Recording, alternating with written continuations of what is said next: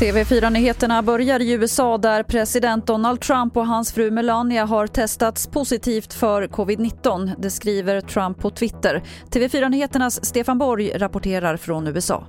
Det får helt oöverskådliga konsekvenser för honom själv och för hans kampanj inte minst.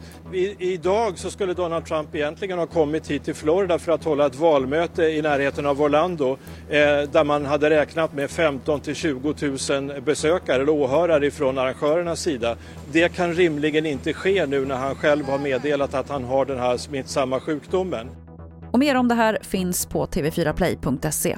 Här hemma har det visat sig att flera restauranger i Stockholm har stora brister när det gäller coronaåtgärder. Så nu inför Stockholms stad 25 000 kronor i vite per vecka för de krogar och restauranger som inte sköter sig.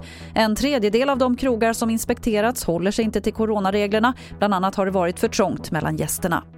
Franska myndigheter kan komma att utlysa högsta beredskapsläge i huvudstaden Paris efter att antalet nya coronasmittade blir allt fler. Det kan till exempel handla om att stänga barer och restauranger. Det var det senaste från TV4 Nyheterna. Jag heter Lotta Wall.